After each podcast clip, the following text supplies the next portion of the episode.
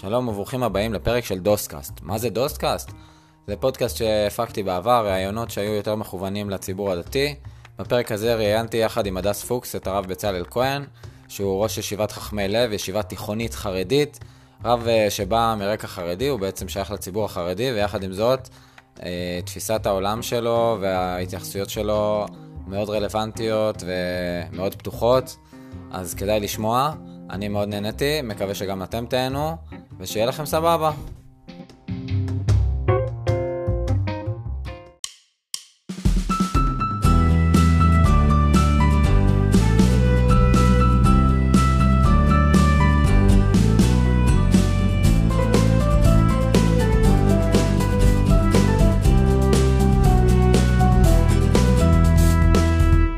ברוכים לפרק נוסף של דוסקאסט. היום נמצא איתנו הרב בצלאל כהן, וגם אה, הדס איתנו היום, מה שלומך הדס? מעולה. מעולה גם אצלנו, מה שלומך הרב? בסדר גמור, ברוך השם. יופי, טוב לשמוע. אז uh, נתחיל כרגיל, אולי ת- תשתף אותנו ואת המאזינים uh, בעיסוקים שאתה פעיל בהם היום. טוב, שלום וברכה. אמ, העיסוק המרכזי שלי היום זה ישיבת חכמי לב, ישיבה תיכונית אה, חרדית בירושלים, שאני הקמתי ואני מנהל אותה, עכשיו אנחנו בשנה החמישית. זה אומר שזה עד כיתה י"א או שכבר יש נתון שסיים? לא, אין לנו זין, יש לנו ט'? י"ב.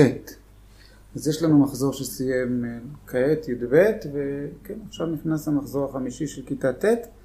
יש לנו מחשבות גם לפתוח בהמשך אה, ז'-ח', אולי כבר בשנה הבאה יהיה לנו כיתה ח', אבל כעת אנחנו בט' י"ב. אז באמת זה, הנושא, זה העיסוק המרכזי שלי היום אה, בתוך הישיבה, אה, אבל חוץ מזה אני גם אה, נמצא הרבה בשיח הפנים חרדי, מה שנקרא חרדיות חדשה, מתחדשת, כל מיני כינויים. בעבר זה התחיל קודם בפורומים חרדיים שהיו, זה בחדרי חרדים, נעצור כאן חושבים, אגודה אחת. בשנים האחרונות זה בעיקר אה, בפייסבוק, אבל אני גם מפרסם אה, מדי פעם טורים באתרים כמו כיכר השבת. אה, זהו, הרבה שיח מאוד מעניין ופורה. כן. אני לא יודע אם נתחיל שני נושאים מרתקים. נתחיל אבל אולי הישיבה, אמרת, זה כן הנושא היותר שואב. האמת היא, אני יכול להגיד את זה על שני הנושאים, כאילו גם ישיבה תיכונית זה משהו שנתפס כלא חרדי, וגם שיח שמתגלגל עד לפייסבוק זה נשמע לא חרדי, אז אה, על שני הדברים האלה בטח אומרים לך שאתה לא חרדי. על הרבה דברים. כן. אז באמת אה, הישיבה עצמה היא, כמו שאני אמרתי, עכשיו אנחנו שנה חמישית, אבל עוד לפני כן אה, הייתי שנה שלמה, עבדתי באגודה לקידום החינוך בשביל ההקמה של הישיבה. הישיבה היא בבעלות של האגודה לקידום החינוך, שזו עמותה שיש לה בתי ספר ופנימיות. ולפני כן הייתי שנתיים במכון מנדל, בית הספר למנהיגות חינוכית, שאז התחיל אה, להיוולד בעצם הרעיון של הישיבה, אבל זה גם הגיע בעקבות הבן שלנו, הבן השני שלנו, יש לנו שלושה בנים בישיבות היום, מתוך ה- שלושת הגדולים שלנו, אה, ובעקבות הבן השני שלי הגעתי למסקנה שצריכים להקים את הישיבה, הוא למד בישיבה תיכונית אחרת, חרדית, אבל חשוב להגיד ככה, ישיבה תיכונית חרדית היא לא יצור חדש, כבר קיים 80 שנה, זאת אומרת, אפשר לומר ימיה כימי החרדיות. היה את האי- אתה מדבר על היישוב? היישוב, כן. אז היישוב זה לא בדיוק חרדי, דוד שלי למד שם, זה לא, לא רק חרדים למדו שם. יכול להיות שלא רק חרדים, אבל עדיין אני חושב שדבר ראשון, ראשי הישיבה ודאי היו לאורך, והרבנים היו לאורך כל השנים חרדים, אבל גם חלק גדול מהתלמידים היו חרדים. גם הרב שך היה תקופה קצרה שלימד שם, כן. וזה נכון, אבל בוודאי שהרבה מבוגרי היישוב הם, אה, הם רבנים חרדים ודמויות אה, מפתח בעולם החרדי. בכלל, אם, זה נכון, אבל אה, לא למדו בה רק חרדים, ואני עדיין חושב שאפשר למנות אותה כישיבה החרדית התיכונית הראשונה, שהבאה אחריה בתור היא כבר צעירה ממנה ב-50 שנה, זאת ישיבת מערבה במתתיהו, שהיא בוודאי אה, ישיבה חרדית, היא באמת אה, הוקמה יותר עבור אה, חרדים אמריקאים, אבל היום יש שם, אני חושב, ודאי אה, רוב ישראלי. וישיבות מערבה והיישוב הם עד היום הישיבות התיכוניות החרדיות המבוקשות אה, ביותר. כך שלא ממש המצאתי את הגלגל. כמה תלמידים יש שם? בש... בשנתון? שכבה? איפה? ביישוב ביישוב? כן. במערבה זה בערך 40 בשכבה, למרות שעכשיו הבנתי שהם הגדילו, אבל שנים הם התעקשו לא להגדיל, הם היו באמת ט' י"ב, זאת אומרת, זה היה סדר גודל של 160 תלמידים. היישוב, אני לא יודע מספרים מדויקים, אבל דבר ראשון זאת לדעתי הישיבה היחידה בארץ בכלל שהיא חמש שנים, ט' י"ג. אה, לפי מה שאני שמעתי, לכיתה ט' נכנסים הרבה תלמידים, אבל, לא, אבל לשרוד שם זה לא קל. אה, זו ישיבה שידועה, מפורסמת כבר עשרות שנים במשטר קפדני מאוד, שהרב קולדצקי הנהיג. זה גם אחרי לכתו זה ממשיך. כי הבן הוא גם הרב קולדצקי, אמנם אה, לא הרב יהודה קולדצקי, הרב קטריאל קולדצקי, אבל אוקיי. אה, כן, עדיין זה לא קל. אני פגשתי גם תלמידים שהתחילו שם, זה לא קל. אז לכאורה הישיבה שלי היא לא כזה חידוש, אבל היא כן חידוש. אה, בגלל שעד לפני עשר שנים היו חמש ישיבות תיכוניות חרדיות, שהם באמת פנו לפלח אוכלוסייה קטן שנקרא חרדים מודרניים. או חוצניקים או חרדים מודרניים, זה גם וגם. אה, בוא נגיד, כשם קוד אני אומר, אתם רוצים להבין מה זה היישוב במערבה? יעקב ויינרוט. יעקב ויינרוט. כן. הוא בוגר היישוב, ילדיו למדו, נראה לי, מערבה ויישוב. זה, כן. זה בעצם האוכלוסייה הזו, היא אוכלוסייה משכילה, אוכלוסייה שנמצאת באמת על קו התפר בין הישראליות לחרדיות. אמ, אבל זה פלח אוכלוסייה קטן, אנחנו יודעים מתוך מחזור של למעלה מעשרת אלפים בנים חרדים, לכל הישיבות האלו ביחד היו הולכים בשנה סדר גודל של 200 תלמידים. זאת אומרת, 2 אחוז. אה, וגם מספר הישיבות, כן, יש לנו למעלה מ-300 ישיבות תיכוניות מול 5 ישיבות תיכוניות חרדיות. כן. אה, בעשור האחרון אה, קרה דבר חדש. מספר הישיבות התיכוניות החרדיות שילש את עצמו. גם מחמישה אוקיי. ישיבות לחמישה עשר, וגם מספר התלמידים בערך מ-500 בסך הכל, או בעצם המספרים שאמרתי, אולי קצת יותר, לבערך 1,500, אה, הערכה לשנת 2015, אנחנו כבר נמצאים שנתיים קדימה. וכאן זה הסיפור המעניין, למי נפתחו המוסדות החדשים.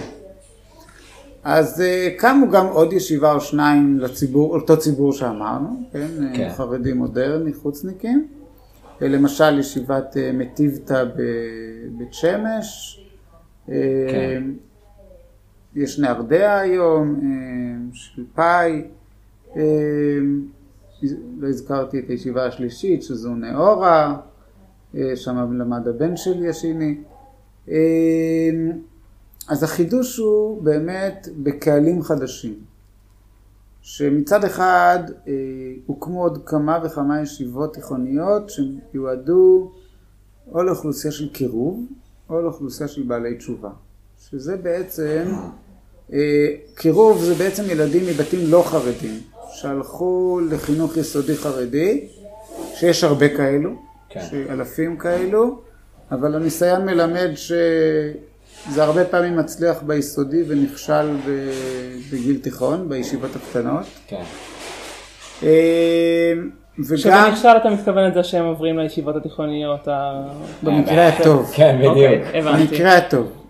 נכשל, אני הרבה פעמים זה כישלון טוטאלי, שהם. בכלל אה, נפלטים ונשארים אה, אפילו מייצרים אנטי נראה לי, זה לפחות בטוח פגשתי. גם. לדתיות, אבל אני אומר, הם גם יוצאים קרחים מכאן ומכאן, מה שנקרא, זאת אומרת, הם כבר לא משתלבים בתיכון, או עם לימודים, הרבה פעמים מהלימודים אה. לגמרי, הם- זאת אומרת, הם...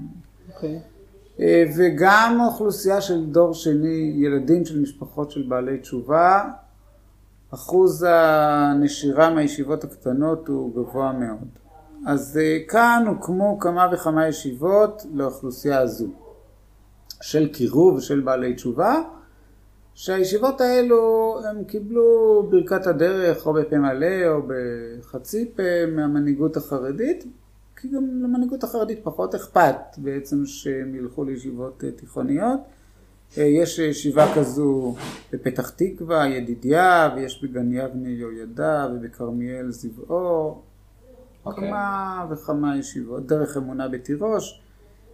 אה, הרב אלבז פתח לפני כמה שנים ישיבה קטנה לבעלי תשובה גדלך. אה, ישיבה זה- תיכונית, כאילו. כן, אה, שהיא נמצאת תחת רשת אורט. אה, כן, אז זה, זאת מגמה אחת. והמגמה השנייה זה בעצם מה שהישיבה שלי, ישיבת חכמי לב ועוד שתי ישיבות אפשר לומר בכיוון הזה, שהן פונות יותר למיינסטרים החרדי, שלא הלך עד היום לישיבות תיכוניות חרדיות, ויש כאן אמירה, שהאמירה אומרת, המודל הזה של ישיבות קטנות לא מתאים לכולם. כן. וזה קריאת אה, תיגר במובן אה, מסוים. אה, ואני אגיד, מה שהביא אותי לסיפור הזה, אמרתי, זה הבן שלי, אבל באמת, שהבן שלי השני, אנחנו ראינו כבר כשהיה בכיתה ז' בחיידר, מה שנקרא, שלא מתאים לו המודל הזה של כל היום גמרא. כי הוא כבר היה בכיתה ז', זה באמת בחיידר, זה כבר כמעט כל היום לומדים גמרא, והוא לא הצליח, לא היה לו טוב, ו... ולא ידענו מה ומו, ואחרי התלבטות העברנו אותו לבית ספר חרדי לאומי, אהבת ישראל, רבפורט, שוב לכיתה ז', ומאז הוא פרח, ופתאום הוא יכל להביא 100 גם בגמרא. ואחרי שנתיים הוא הלך לנאורה, והוא סיים לא מזמן תעודת בגרות אה, בהצטיינות רבה, גם חמש יחידות בגמרא, וגם במתמטיקה, וגם באנגלית. אה, אז זה הביא אותן, אותי למסע הזה. והתמונה שאני גיליתי היא שמתוך אה, באמת מחזור, אמרתי את זה, עשרת אלפים בשנתון, למעלה מעשרת אלפים בשנתון, זה כמובן גם גדל כל שנה. אה, אפשר לומר ככה, לשליש טוב, שליש שורד ושליש לא שורד. כן, זה באמת, אה, זה גם לא רחוק מהמספרים האלו. שליש טוב זה באמת אה, תלמידי ילדים שמוצאים טעם בלימוד הגמרא, נהנים, אוהבים לשקוד עליה מהבוקר עד הערב, שלמעשה אני אומר אה, זה נס, זה פלא, כי בגדול כשאתה אומר שילד בן 13-14 יושב ולומד תורה מהבוקר עד הערב, זה מפתיע. האמת שזה המון שליש. זה המון. כן. נכון, אז יש כאלה שאומרים שאני מפריז, אבל זאת אומרת, בעולם החרדי ודאי אומרים שאני ממעיט, אבל יש כן. הרבה, גם מי שמכיר את העניין הרבה פעמים אומרים שאני מפריז, אבל בואו בוא נצא מתוך הנחה ששליש טוב לו. כן. תראו, הבן שלי הבכור ודאי היה כזה, הבן שלי השלישי גם כן אה, היה נראה שטוב לו. השליש השני הוא שליש ששורד. הוא שליש שלא בדיוק מתלהב מה, מהקונספט, מגמרא וזה, אבל בסדר, ילדים טובים, זה מה ש... טוב, כולם, כשאני אומר את זה, אומרים לי גם בתיכון לא כולם מתלהבים מהתיכון, וזה נכון, נכון. כן. אז. השליש, מי מתלהב מתיכון? יש כאלה שכן אולי, אבל בסדר. בסדר, אז השליש ששורד זה שליש שלא בדיוק אה, מתלהב, הוא גם לא תמיד עושה את זה בצורה הכי טובה, אבל הוא עובר את השנים האלו. הרבה פעמים, בישיבה הגדולה זה כבר, הסיפור הוא כבר אחר, אבל בשלב הישיבה הקטנה, שזה בכלל, הישיבות הקטנות הן לא ארבע שנתיות, הן תלת שנתיות, זה ט' י"א. וישיבה גבוהה גדולה, אנחנו מתחילים בי"ב, בדרך כלל בציבור החרדי? כן, כן. בכלל לא, לא משתמשים במינוחים, לא ט' י"ב, לא ט' י"א ולא י"ב, זה נקרא ישיבה קטנה, שיעור א', שיעור ב', שיעור ג', וישיבה גדולה מתחילה שוב בשיעור א', אבל אוקיי. כן, זה גיל של י"ב, זה אפילו לפעמים יותר צעירים, כי בחלק גדול מהתלמודי תורה החרדים עושים בר מצווה בכיתה ח' ולא בכיתה ז'. מה? מה? מתחילים מוקדם יותר. מתחילים, נכנסים ל- לכיתה אה. א' יותר צעירים. אה, אוקיי, עכשיו הבנתי, בסדר. כן. לא, הם לא איזה רפורמים שמשנים לא, לא, את גיל עושים הבר מצווה. גיל 13 זה בכיתה ח'. 13, אבל הם בני 13 בכיתה ח'. כן. כן. היו אפילו כשאני הייתי צעיר, היו אפילו מקרים של אה, בר מצווה בתחילת ישיבה קטנה, זאת אומרת בעצם בר מצווה בכיתה ט', אבל את זה כבר הפסיקו, ראו שזה לא כל כך מוצלח. אה, אז זה, זה, זה השליש ששורד, והשליש שלא שורד זה בעצם הסיפור העצוב, כי הנשירה בחינוך החרדי של הבנים בישיבות קטנות זה שיעורי הנשירה הגבוהים ביותר כנראה בארץ, שיעורי נשירה מאוד מאוד גבוהים. אה, הנתונים שאני מכיר של משרד החינוך הם לא, לא פר כיתה, אלא זה נתונים שנתיים על ט', על ז' עד י"ב. אבל אנחנו יודעים שרוב הנשירה היא לא בז'-ח' וגם היא, היא, בת... האמת שכיתה ט' זה זמן הנשירה הגבוה ביותר, אני עוד מעט אסביר גם למה. ומדובר, עכשיו... שזה הנתון... התחלת הישיבה הקטנה. נכון. נכון. עכשיו נתוני הלמ"ס הם גם נתונים על נשירה מלאה, זאת אומרת נשירה שאתה בתחילת השנה אתה רשום במוסד לימודי ובסוף שנה אתה לא במוסד. כן. וזה בין 2,000 ל-3,000 בשנה. עכשיו... וואו, מתוך כמה אמרת? עשרת אלפים ומעלה, לא. זה המון. נכון. המון. לא, אלפיים שלושת אלפים בשנה כמובן נפלטים זה מכיתות שונות, אבל אה. במצטבר כן, לא, זה אוקיי. נכון. בסוף זה מגיע באמת כן. ל-20-30 אחוז, זאת אומרת, כי באמת, זה מספר הנושרים בשנה. אמ, אני התחקיתי בעקבות, ה... עשיתי מסע בעקבות הנושרים האלו. עכשיו צריך לזכור, מי זה לא נושרים בנטולי ממס, אבל בכל זאת הם נושרים מבחינת הקהילה החרדית, הרבה שנפלטו מהישיבה הקטנה והשתלבו במוסד אחר, שיש גם הרבה מוסדות לנושרים. כן. אה, מוסדות חרדים לנושרים? יש כן. הרבה מוסדות חרדים לנושרים, כן. שמה עושים שם? אה, כל מיני. אה, דבר ראשון, חשוב להגיד מה זה המילה נושר. אז באמת אני אומר, אני מכניס פה במילה נושר את כל מי שנפלט מהישיבה הקטנה באשר הוא. אבל, וחשוב להבין שזה הרבה ממדים של נשירה. דבר ראשון זה נשירה מלימודים, אבל זה גם בדרך כלל גם נשירה מבחינה רוחנית, רמה רוחנית ירודה, כן. שזה קורה מהר מאוד. גם נשירה חברתית, הם כבר בדרך כלל מהר מאוד לא יזהו את עצמם ואת גם לא כל כך תזהי אותם כחרדים. Mm. אה, וגם נשירה נורמטיבית הרבה פעמים, כי כמובן אם הילד נפלט לרחוב, כן. אז הוא נגרר גם להתנהגויות אה, לא, לא נורמטיביות. אה, וזה כן. קורה בכל המגזרים, ליטאים, לא, חסידים? אז לא, לא. זה בדיוק הנושא שחשוב לי לתאר. רוב מוחלט של אותם 2,000-3,000 נערים, הם יבואו מקבוצות שאני קורא להן הקבוצות השקופות. רוב מוחלט של הילדים האלה יהיו מאחת משש קבוצות, כמובן גם אפשר, אתה יכול להיות מיותר מקבוצה אחת. הקבוצה הראשונה הזכרתי אותה קודם, זה קבוצת הקירוב, ששם זה באמת שווה כן, ממש ממש גבוהים. מה?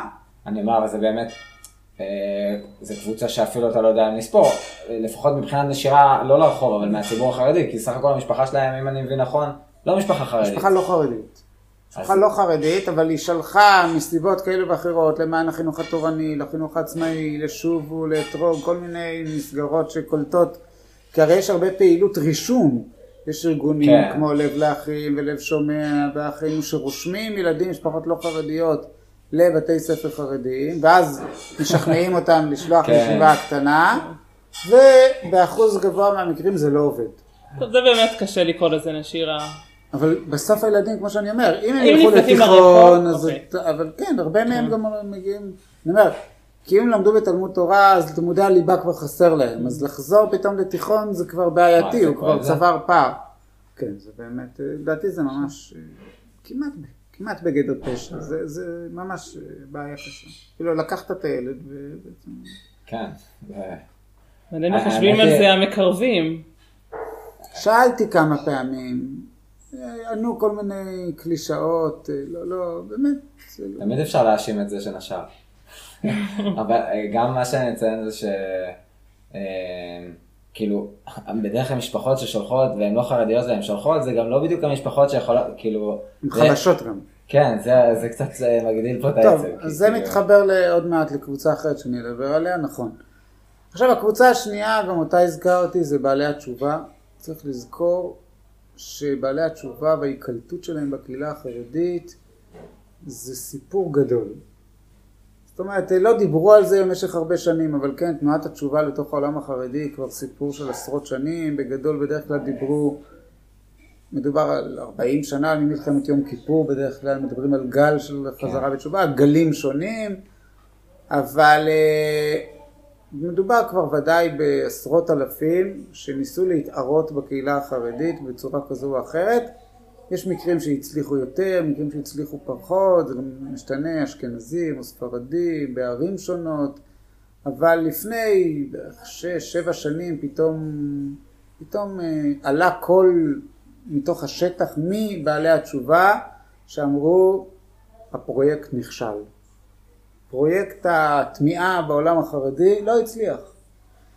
והיה בזמנו כינוס, שני כנסים גדולים שקראו להם כינוס בית מאיר, אה, התארגנו אחר כך, אה, הייתה התארגנות, הם הוציאו במשך כמה שנים כתב עת שאחר כך נסגר בנסיבות תקציביות שקראו לו אדרבה. והוקם ארגון שהוא גם, יש לו גם חלק ציוני דתי אבל גם חלק של בעלי תשובה, ארגון נטיעות, הם הקימו כמה וכמה קהילות, כן. הקימו קהילה בחיפה, הקימו קהילה במעלות, היה הרב עודד ניצני, הרב יהודה גרינוולד, על כל פנים... עדיין. הקהילות קיימות, כן. כן, אבל הפעילות שלהם קצת אה, נחלשה, זאת אומרת בהתחלה זה היה נראה שזה 아, אה, אוקיי. יהיה איזשהו באז גדול, זה, זה נפסק. אני אומר, גם הכתב עת לצערי הפסיק כן. לצאת, ו... אה, אז, אבל באמת, הם, הם, הם היו הפעם הראשונה שהשמיעו את הקול הזה ואמרו, רבותיי, תסתכלו בעיניים ותראו, לא הצלחנו להשתלב, זה לא... ואתה אומר מי האשם, האם הקהילה החרדית אשמה, האם בעלי התשובה, לא, לא יודע, זה לא כל כך משנה אשמים, אבל אלה הם עובדות. אז חשוב לדעת שהיה קשה מאוד לילדים של בעלי התשובה להיקלט אה, בישיבות הקטנות, והרבה נפלטו. צריך גם להבין שמשפחה של בעלי תשובה אז באמת חוץ מזה שזה סוג של הגירה, כן, ללמוד תרבות חדשה ומושגים חדשים, ויש בתים שרצ... שמשכו את החבל כאילו חזק מדי. חזק מדי, אבל גם הילדים מכירים סבא וסבתא אחרים, הם מכירים דודים אחרים, זאת אומרת, אז יש... זה באמת דבר לא פשוט. ופה אני מגיע לקבוצה השלישית, שזה קבוצה מהגרת ברורה, עולים. משפחות חרדיות שעלו באירופה, מארצות הברית, אז דבר ראשון צריך לזכור שבאמת המודל של החרדים בחו"ל הוא שונה. החרדים בחו"ל הרבה יותר פתוחים, כן. לא כולם, יש את החסידים, אבל נדבר על קהילות מה שנקרא ליטאים, ספרדים, הם הרבה יותר פתוחים בדרך כלל להשכלה, למודרנה, אבל הם סתם יותר פתוחים, ואז, והם כשהם מגיעים לישראל מאוד קשה לילדים שלהם להיקלט למנטליות הישראלית החרדית שהיא נוקשה, שהיא... אז, אז גם לנושא הזה שזה תורה בלבד וגם לנוקשות בכל מיני כן. מושגים והרבה פעמים הילדים האלה לא מצליחים ונפלטים מהמוסדות. קבוצה הרביעית זה הספרדים בכלל, החרדים הספרדים בכלל. אני יכול להרחיב בנקודה הזאת, למה המודל של הישיבות הוא מודל, מודל אשכנזי במקור. זה עובדה. כן, הוא עובדה, וכשהעתיקו אותו לספרדים, הוא קרה מהר מדי, גדול מדי, ושיעורי הנשירה מהישיבות הקטנות הספרדיות הם שיעורים מאוד גבוהים. אני גם יכול אה, לנתח קצת בניתוח פשוט, החרדיות הספרדית מורכבת מאליטה של בני תורה, שמה שקוראים להם בעגה הישיבתית משוכנזים, הם למדו בישיבות ליטאיות, הם לבושים כליטאים, מדברים כליטאים, מושגי תפיסת עולם, לעומת הרוב של התלמידים שמגיעים מבתים ספרדיים רגילים, למרות שבכלל הם, אנחנו יודעים שכל ההגדרה שלהם כחרדים היא הגדרה שבעצמה צריכה הסבר, כי אנחנו יודעים זה ציבור שהיו שנים שהוא הצביע מפד"ל והיו שנים שהוא הצביע ש"ס, זאת אומרת זה... כן. ופה יש הרבה פעמים קונפליקט בישיבות הקטנות בין הצוות, שכמו שאני אומר הוא צוות מאוד ישיבתי, ליטאי, כן. משוכנז, לבין התלמידים, בשיעורי נשירה מאוד גבוהים. אה, הקבוצה החמישית היא קבוצה שאמרתי קודם, רמזתי עליה קודם, היא קבוצה של משפחות רווחה. אה, שכמובן זה שהוא בכל מקום כן. תמיד אנחנו יודעים שילדים ממשפחות כאלו הם מועדים לנשירה, אין בית שיחזיק אותם, הם הרבה פעמים ברחוב, נמשכים, ואז בישיבות זה קשה שבעתיים. והקבוצה השישית זה ילדים עם לקויות למידה ובעיות התנהגות. זה כמובן תמיד קשה, אבל בישיבות הקטנות ובמודל הזה של יום שלם ושל ללא אנשי צוות אה, מקצועי ולא טיפולים והרבה למידה עצמאית ובקיצור, זו בעיה. אז אלה ששת הקבוצות, לכן אני אומר שבאמת ילד שהוא לא משתייך לששת הקבוצות, זאת אומרת שהוא ישראלי, ותיק, אשכנזי, כמו שאמרתי, תאים או חסידים, הוא בדרך כלל יהיה או באלה שטוב להם או בשורדים. אבל הוא בדרך כלל יחזיק מעמד את הישיבה הקטנה גם אם יהיה לו קונפליקטים כי בסדר אז, אז ישלחו אותה הביתה אז האבא יתקשר ויצמידו לו אברך חונך כן. יעשו את התחזוקה בשביל שהוא ישרוד את הישיבה הקטנה. אה, זהו. זה מאוד מעניין יש לזה נתונים על, ה... על הנושרים? לא ממש. כי אצלנו עשו, עשו מחקר, אני פותחת אותו, שזה היה מעברים מחרדי לדתי, חילוני וההפך, אבל זה עד כיתה ו' אני חושבת. אתה גם מייצג לפי מה שהרב פה אמר. כן, נכון, ושם אתה לא רואה מעבר גדול. אתה לא רואה שיש הרבה שעוברים מ... לא, אם כבר יהיו מעברים, לפעמים זה מעברים, הרי אתם יודעים, יש מוסדות חרד"ליים שנרשמים במחוז כן, החרדי, נגיד בגנים, נגיד יש הרבה נתונים על מעבר גדול מגנים חרדיים ליסודי לא חרדי. אבל אה. בדרך כלל זה בגלל שהגנים נרשמו במחוז החרדי, זאת אומרת זה לא בהכרח גן חרדי. כן, זה לא... שום אה, בירוקרטי בעצם. נכון, אנחנו יודעים, גם יש, גם יש מעט מוסדות חרדים שרשומים בחמ"ד, דרך אגב, אה, מוסדות שהזכרתי, היישוב, מערב הנאורה, הם רשומים בחמ"ד. כן, נכון, צריכים לעשות בגרות. זה, זה, טוב, אילוצים, לא ניכנס לזה, כן. זה הקטע הפחות מעניין. כן. אני רוצה לשאול קצת שאלה בכיוון האחר, זו שאלה שקצת מסקרנת אותי, כאילו, אחרי שנדבית כל כך הרבה קבוצות, כאילו, כמה אנשים יש בחרדיות החזקה הזאת? זה לפעמים משהו שאני שואל את עצמי, כאילו... דבר ראשון. ודאי שהם מיעוט, אבל הם מיעוט דומיננטי. דרמטי נראה לי, הרבה, כאילו, הם בעלי השל... הם ההנהגה והשליטה ובעלי הקול והכוח. נכון, אני, אני אגיד ככה, כן. מט' לי' מספרים מאוד נמוכים, פחות מאחוז שעוברים מחרדי לממלכתי דתי או מחרדי לממלכתי. כן. אה, מאוד מאוד נמוך. אז אה, כן, אני אומר אה, חלק גדול, אבל מה שאני מדבר זה בעיקר כן, כאלה שנפלטים, או שהם, אז מה קורה לילד מי שנשר מהישיבה הקטנה? אמרתי, או שהוא הולך למוסד לנושרים, שיש כמה עשרות מוסדות כאלו, ששאלת מה עושים בהם, במוסד לנושרים בדרך כלל,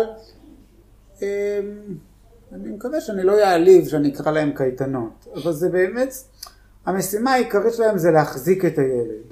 שיהיה לו נחמד, שיהיה לו טוב, שלא יהיה ברחוב. אז אה, דבר ראשון מבחינה לימודית, אה, בדרך כלל ילמדו שם מעט. כן. אם תורה, לא בטוח שילמדו תורה, אם ילמדו תורה ילמדו מעט, לא בטוח שגמרא, אולי אה, כן. הלכה, חומש, דברים. אם מקצועות חול, גם אם ילמדו, המקסימום זה יגיעו לבגרות טכנולוגית, אבל גם את זה בדרך כלל לא, הם ילמדו מעט. יעשו שם הרבה פעמים פעילות אה, חווייתית, יכול להיות שילמדו איזה מקצוע, יכול להיות שיהיה רכיבה, יהיה מוזיקה, יהיו דברים ככה okay. אוקיי. יותר, זה מוסדות שהרבה פעמים זה מוסדות שיקום, זאת אומרת בעצם הילדים חבולים, הם okay. אוקיי. באו חבולים ואנחנו צריכים לקבל יחס טוב, הם צריכים, אה, אבל הם לא מאמינים בעצמם והמוסדות לא מדי מאמינים בהם, זאת אומרת אוקיי. אין להם שאיפות, אין שאיפות, הם לא, הם לא יצאו שם, אני אומר, הם בגרות מלאה. מצד שני... זה חשוב מאוד. כן. אני לא ממעיט, לא, לא ממעיט בחשיבות שלהם, אבל זה באמת, אני עדיין אני אומר, זה בתי חולים מתחת לגשר, זה לא... אוקיי. הכניסו אותם אה, למסלול ש... ש... כן, אחרי זה אתה צריך להקים שם בית חולים. היה פה קטיעה, אני... אה, חוזר לשאלה ששאלתי קודם על, ה, על האליטה החרדית עצמה, שכנראה היא בעצמה מיעוט, זה פשוט מיעוט עם הרבה כוח, ו... וזה משהו שאני מנסה להבין, כי כאילו, וואלה, אתה יודע, אני, אני לא חווה את זה מבפנים, אבל מבחוץ כאילו מדברים, אתה יודע מה, הנה עכשיו לוקח מיליון, אה, גם אני הייתי שם, מיליון חרדים, לא, והיה אירוע מאוד דרמטי, הפטירה של הרב עובדיה יוסף, מיליון איש באים... אה, אני גם הייתי שם. וואלה, כן, אז זהו, הנה, המיליון הזה הוא מאוד גמיש בזה. נכון. האמת היא טוב, אותה מיליון גם אה, באותה הלוויה נראה לי, כל תושבי ירושלים כמעט גויסו בעל כורחם ללוויה הזאת. אבל האמת היא, זו תחושה שהם משחקים עם מספרים, זה גם דוגמה, אבל כאילו אני מנסה להבין מה יש שם, כאילו... אז אני... אני כשאומרים חרדים, תנסה להסביר לי מה זה. כן, תראו, אה, דבר ראשון, אני סתם אומר שיש שני מינוחים שמשתמשים בשניהם והם באמת, אה, הם די קרובים אחד לשני, אבל זה לא אותה הגדרה, מה שקוראים יש ארדקור ויש מיינסטרים. עכשיו, ארדקור בהגדרה, כן, זה גרעין קשה, הגרעין הוא תמיד קטן, אבל, אבל הוא גם קשה, ו, והוא גם מהווה סמן, תראו, אה, דרך אגב, הכרתי את הרב עובדיה, אז בואו נאמר, דווקא אני אגיד מכיוון אחר. יש אלפי הורים, אלפי, עשרות אלפי, אולי מאות אלפי הורים, שאומרים, אני רוצה שהבן שלי יהיה הרב עובדיה. אבל כולם יודעים שהרב עובדיה היה אחד, זאת אומרת, ויהיה עוד אחד, יהיו עוד שניים, יהיו בודדים. גם נגיד שיש שני אנשים, בסוף יהיה אחד. אם יהיה שני אנשים בסדר גודל של הרב עובדיה, לא נצליח להחזיק את שניהם, יהיה אחד. כן. בסדר, אז מה שאני בא להגיד, אבל עדיין, עדיין אתה אומר, זאת קהילה ש... כולה מכוונת את העיניים לאותו כן. מודל. כן. אז האב טיפוס, זה נכון, זה ברור שה... דווקא אני אעבור למונח השני, למיינסטרים, כן, זרם מרכזי. הזרם המרכזי הוא קטן, אבל הוא, אבל לא הזרם המרכזי. כן, הוא קטן?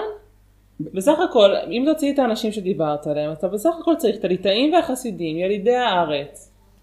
זו קבוצה מאוד מאוד גדולה. זה, דבר ראשון זה לא נכון, זאת קבוצה גדולה.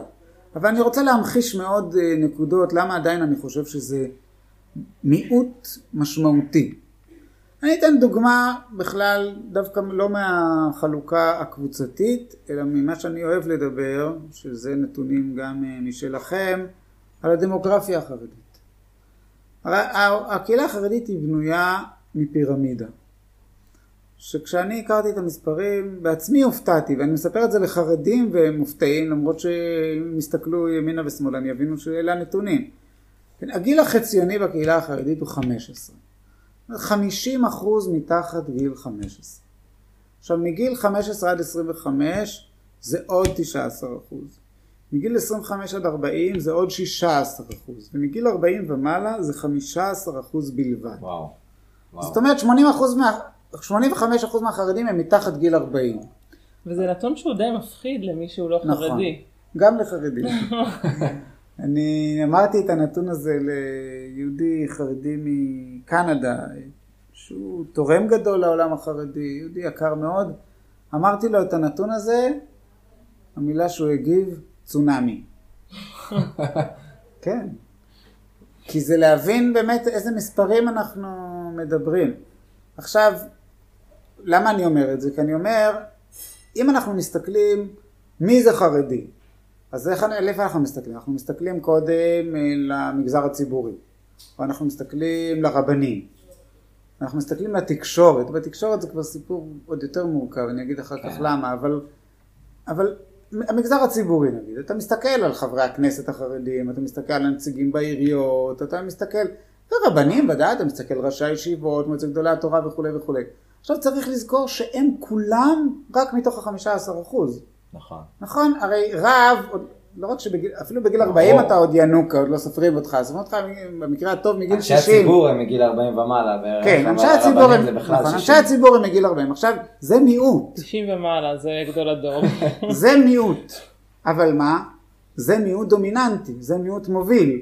לגמרי, כן. שכולם לכאורה באים אחריו, אבל פה אני מגיע ללכאורה.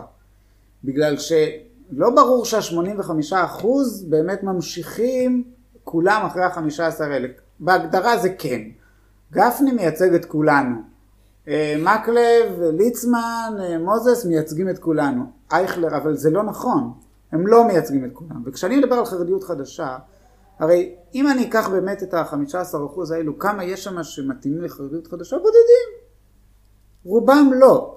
יש שם מבוגרים שגדלו אולי בבית, יעקב איינרוט אולי, אבל כן, או פייניקים, אה. או יש, אבל הקו המרכזי הוא, הוא, זה הדור שסלל את החרדיות, זה הדור שהזכרת כן. קודם את הרב יששכר מאיר, זה אלו שהלכו אחרי הרב יששכר מאיר ועזבו את הדתיות הלאומית ועזבו את כן. התפיסה של הבית שלהם ונעשו חרדים. אפילו, אם, זה האמת מעניין אותי לשאול אותך אפילו היסטורית, יש, לי יש תחושה כזאתי שגם החרדיות אה, לפני המהפך של בגין בערך, אה, הייתה יותר פתוחה לעניין של פרנסה ו...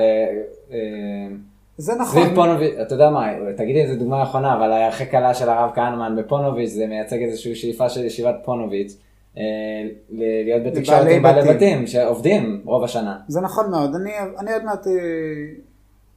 אני אתייחס לזה לא דווקא, אני לא חושב ש-77 זה דווקא נקודת הציון, אבל... לא יודע, אני זרקתי את זה כי הבנתי שאז אה, נפתח הרבה יותר פתח כלכלי, לכספים. אה, האפשרות של זה. לא, אבל אני, אני אגיד, אני חושב שכן הקד...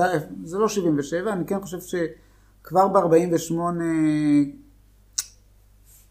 התחיל הסיפור הזה. אני אכנס לזה עוד כמה אוקיי. דקות, אה, אני אסביר מה, מה אני רואה אז. אבל ברור, החרדיות שינתה את פניה. אבל, ואני אומר, בני ה-40 פלוס, הם, הם, אולי אתה צודק, אולי הם דור ראשון לחרדיות במתכונתה שאנחנו מכירים כן. אותה. עכשיו, כשאני מדבר על חרדיות חדשה, אתה לא תפגוש אותה כמעט ב-40 פלוס. את, את, ה, את הדור הראשון לחרדיות חדשה תפגוש באותה שכבה שאמרתי 25-40. כן. ואת הדור הבא של חרדיות חדשה אתה תמצא ב-15-25. עכשיו, רק להמחיש את זה, תסתכלו על תקשורת חרדית. עכשיו. למה, אמר, למה אמרתי קודם שתקשורת חרדית היא סיפור אה, מוזר קצת?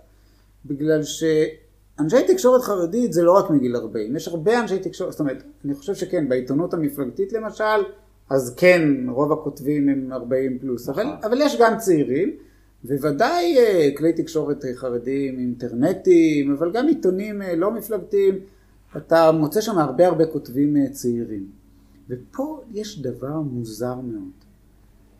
אין, אין, יש נתק מאוד גדול בין החיים האישיים של אנשי התקשורת החרדים לבין מה שהם אומרים וכותבים. וואו. הם, הם מדברים וכותבים כמו משגיחים בישיבות, והם חיים חיים רחוקים מחרדיות. חרדיות lite ולפעמים אפילו פחות. האמת שקצת על מלך זילברשלג? הוא בוודאי... קצת רואים אצלו את זה. לא, הוא- הוא לא מסתיר יותר מדי, אבל עדיין התכנים שהוא אומר, רואים שהם מאוד שונים הוא מהדרך חיים מדברר, שלו. הוא מדברר חרדיות יותר מה- מה- מה- מה שהוא חי. לגמרי. ברור. לא יודע, אני, אני, אני עשיתי לו hide קלאסטר, לא, נעים לי לראות את הסרטונים שלו בפייסבוק. כן, אבל אני אה, חושב, דרך אגב, באמת זה מעניין להשוות בינו לבין אבא שלו, כן? שאבא שלו כבר, כבר דודי זילברשלג היה יוצא דופן בחדשנות שלו, בשפה התקשורתית שלו, הוא כבר היה הרבה יותר ישראלי מכולם, ו, ובאמת סביב זה הוא גם היה בקונפליקט הרבה, אבל אין מה להשוות, כן? מלך הלך הרבה יותר רחוק. אה, אבל... אני רוצה, אם כבר הגענו לזה, זה, זה גם נקודה שאני שואל את עצמי, לא נורא, אני שאל אותה פה, שאני אומר מלך, אוקיי, או, זה גם נראה לי מייצג גם אחרים, זאת אומרת, אדם נולד לקהילה חרדית, מרגיש קשור אליה, למרות שלא קשור לאידיאולוגיה שלה, ו- ו- ורוצה לחיות חיים אה, אישיים שגם פונים למקומות אחרים. זה נכון ו- מאוד, שזה מאוד מגוון את החרדיות, שאני חושב שבאמת אה, הציונות הדתית הכירה את זה קודם, אנשים שאומרים אני מחובר תרבותית, אבל לא מחובר אידיאולוגית, שזה כן. זה נכון. כי פעם בעולם החרדי לא יכולת לעשות את המיקס הזה, והיום זה יותר קורה, אבל עדיין, אני יכול להביא לכם הרבה דוגמאות, אנשי תקשורת חרדים, בואו ניקח באמת ביחס אליי, כן? אה, לפני שנתיים היה רעש תקשורתי גדול סביב הישיבה, התנגדות של הפוליטיקאים החרדים, ואז רואיינתי בכמה כלי תקשורת חרדיים. ואני אומר, ראיינו אותי מראיינים שבאורח חיים אני הרבה יותר חרדי מהם, אבל בריאיון הם היו הרבה יותר חרדים ממני. כן. אה, זה הבעיה בדור הזה, הוא הוא נותן, מרשה לעצמו להגדיר מי הוא חרדי ומי לא. מה הכוונה? איזה דור? הדור של המייסדים? הדור של ה-40 מה זה ומעלה. מרשה לעצמו? הוא הגדיר. הוא אבל- מגדיר, הוא הקובע. הדור של 40 השאלה אם אין פלוס, לו- אם אין לו כוח, אני יודעת מישהו צעיר יותר, באמת לא מתאים לו כבר את ה...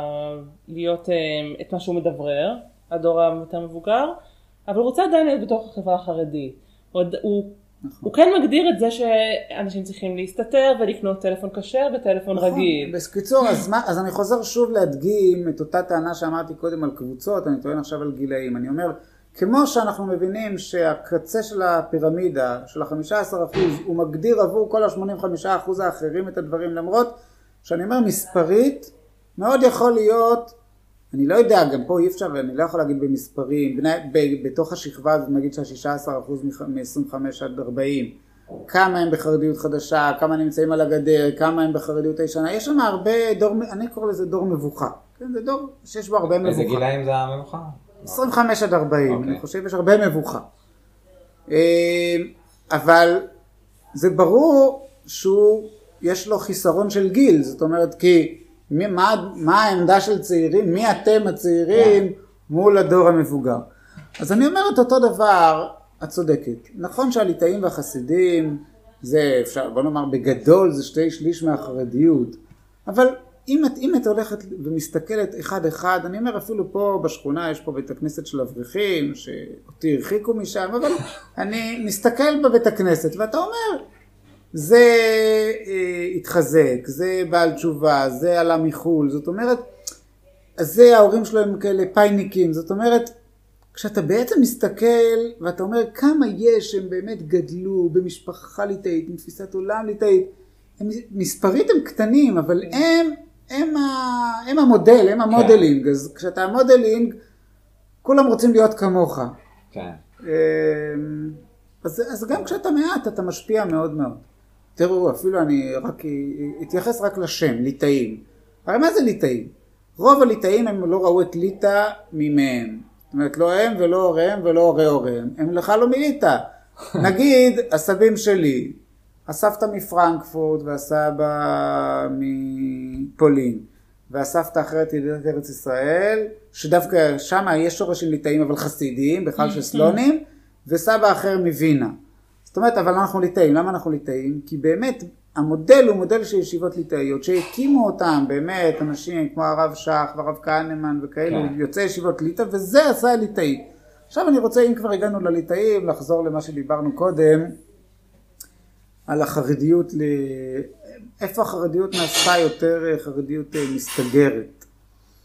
אוקיי. אני חושב, תראה, אם אנחנו מסתכלים, דבר ראשון, הנה שוב אנחנו חוזרים, הרי על זה כבר דובר לא מעט, על זה שהליטאים הם היו מיעוט בעולם החרדי, והם עד היום מיעוט, אבל הם בעצם קבעו את הקו גם עבור החסידים וגם עבור הספרדים. זאת אומרת, הם הובילו את הקו האידיאולוגי. כן.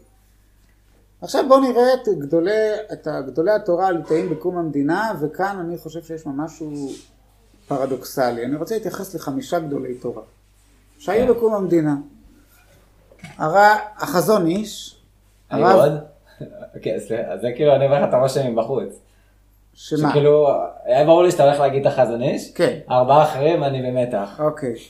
החזון איש, הרב כהנמן, הרב סרנה, ראש ישיבת חברון, והרב מלצר, ראש ישיבת עץ חיים, והרב מבריסק, אוקיי. הרב סולובייצ'יק. זאת אומרת, חמישה גדולי תורה שאפשר לספור עוד, הרב פינקל מישיבת מיר, אבל בואו נדבר על החמישה האלו. עכשיו, יש פה שלושה ראשי ישיבות. הרב כהנמן ראש ישיבת פונוביץ', הרב סרנה ראש ישיבת חברון, והרב אה, מלצר ראש ישיבת אה, עץ חיים, כן, אה, שנכדתו אה, התחתנה עם הרב עמיטל ראש ישיבת אה, הר כן. עציון. הבן שלו היה בישיבת הדרום, נכון? נכון, הרב. צבי יהודה הקים את ישיבת הדרום, נכון. הרב צבי יהודה. מלצר, והרב כן. שח לימד שם קצת. נכון. אבל נראה לי אז היה ישיבה קטנה. לא יודע בדיוק, לא- אה, לא-. ימים עלומים בקורות חייו של הרב שח, כן. על כל פנים, אה, אז עכשיו שלושה ראשי ישיבות מול שני גדולי תורה שיושבים בבית. החזון איש בבני ברק והרב מבריסק פה בירושלים. עכשיו, אם אתם מסתכלים תראו דבר מאוד מעניין. שלושת ראשי הישיבות היו פרו-ציוניים. הרב כהנמן היה פרו-ציוני. נכון, נכון. הוא היה בקשרים, קשרי ידידות עם הנריאטה סולד, אה, הקים את בתי אבות עבור אה, ילדי טהרן, ילדוש, ילדים שעלו, הוא היה בהרבה מובנים, אה, כן, תלה כמובן את דגל ישראל ביום העצמאות על ישיבת פונוביץ', בהרבה, יש הרבה, הזמין לחנוכת הבית את, אה, את הנשיא יצחק בן צבי ורעייתו ינאית ו- ושילם, כן, אז... אה, עשית פוטושופ על התמונות האלה? כן, כן, אה, לא, זה, זה מפורסם, היה בלאגן גדול סביב העניין. אה, הרב סרנה, אה, ראש ישיבת חברון, יש תמונות איך בכ"ט בנובמבר הוא נישא על כפיים, על כתפיים בעצם, של תלמידי ישיבת חברון, שזה טס בגאולה, ברחוב, ברחוב מלכי ישראל. אה, הרב ישו זלמן מלצר אה, קיבל פעמיים את פרס תל אביב, פרס עיריית תל אביב בספרות תורנית על ספרו אבן העזר. כן. זאת אומרת, היה להם חיבור כזה או אחר למדינה, לראשי המדינה, הם כן. כיבדו את המדינה. נכון, הם לא היו ציוניים במובן הרגיל, אבל ודאי פרו-ציונים. כן.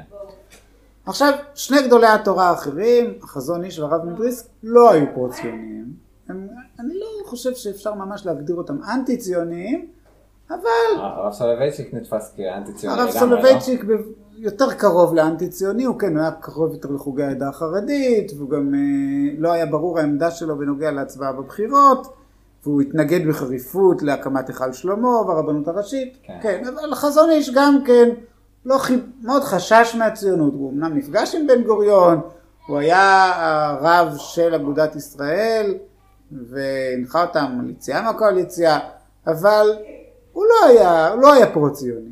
הוא היה, בוא נגיד ככה, אולי נעזוב את השאלה הציונית, נגיד באופן כללי על מדיניות של הסתגרות או פתיחות, שלושת הגדולי תורה הראשונים שהזכרתי הם יותר היו של פתיחות. כן. והחזון של הרב מבריסק הרבה יותר של אה, סגירות. עכשיו מי אמור לנצח לכאורה? ראשי ישיבות. אבל למי יש תלמידים?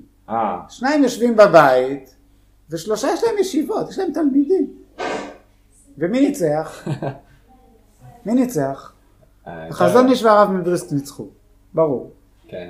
זאת אומרת, דיברת על פרקים עלומים בהיסטוריה, אז גם צאצאי הרב כהנמן כבר ניסו להסתיר פרקים בחייו, זאת אומרת, ובאמת, שהוא לא יתואר כציון, כפרו-ציוני, וגם הרב מלצר, וגם, בדרך כלל סתם זה קורה להרבה גדולי תורה חרדים, שהצאצאים שלהם אחר כך מנסים לייפות את ההיסטוריה, יש דוגמה, כן, הרב יצחק אריאלי, שהיה ראש ישיבת מרכז הרב, כן. וצאצאיו כבר היו צריכים למחוק פרקים בהיסטוריה שלו בשביל שהוא יתאים. כן. אפילו הרב אוירבך, הרב שלמה זלמן אוירבך וכולי. עכשיו, פה השאלה היא, איך זה קרה? למה הם הפסידו במערכה? אה, ואני לא חושב שאפשר לחכות עם התשובה עד 77. זאת אומרת, אוקיי. ה- הקו, הניצחון של החזון איש והרב מבריסק התחיל כבר מ-48.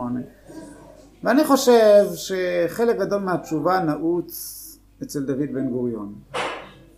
או במילים אחרות, חלק גדול מהתשובה נעוץ בפרויקט כור ההיתוך והממלכתיות. בגלל, ש, אה, מעניין. בגלל שברגע שהיו צריכים, הרי תראו, גם הרב כהנמן וגם הרב סרנה וגם הרב מלצר באמת לא התנגדו שאנשים יעבדו, שאנשים יתגייסו לצה"ל.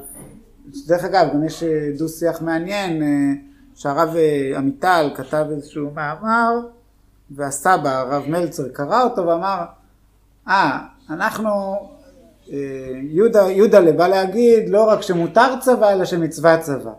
אז, כן. אז הרב עמיטל הלך עוד צעד, אבל אצל הרב אה, מלצר לא מצווה צבא, אבל מותר צבא. כן. אז מה קרה? אבל ברגע שהצבא היה כור היתוך, ואז בעצם ידעת אם אני הולך לצבא, אז בכלל בסיכון אם בכלל אני אשאר אה, דתי או חרדי, אז בעצם, אז אני לא אתגייס. אם אני לא מתגייס, אני גם צריך להצדיק את זה בדיעבד. ואז זה בעצם גרם לקו של החזון איש והרב מבריסק. לגבור. אה, ככה אני רואה את זה, זאת אומרת, כי באמת העולם החילוני היה אז הרבה יותר מאיים. ודאי הצבא, ואני חושב שגם העולם, גם האקדמיה וגם העבודה, כל הדבר הזה היה יותר מאיים. ואז החברה החרדית בחרה בהסתגרות, וכשהיא בחרה בהסתגרות, אז מובן למה אחר כך באמת הממשיכים, ותראו, ראשי ישיבת פונוביץ', ראש ישיבת פונוביץ' הרב שך, הוא כבר היה באופן ברור יותר נוטה לקו של הרב מבריסק והחזון איש. כן. ברור. אה, כן, מורשתו של הרב כהנמן לא נשמרה בישיבת פונוביץ'. לגמרי. לא, הדגל, מקפידים על זה עדיין? זה את הדגל. עדיין שמים, אבל זה כמי שכפאו שד, אתה יודע, זה לא... כן.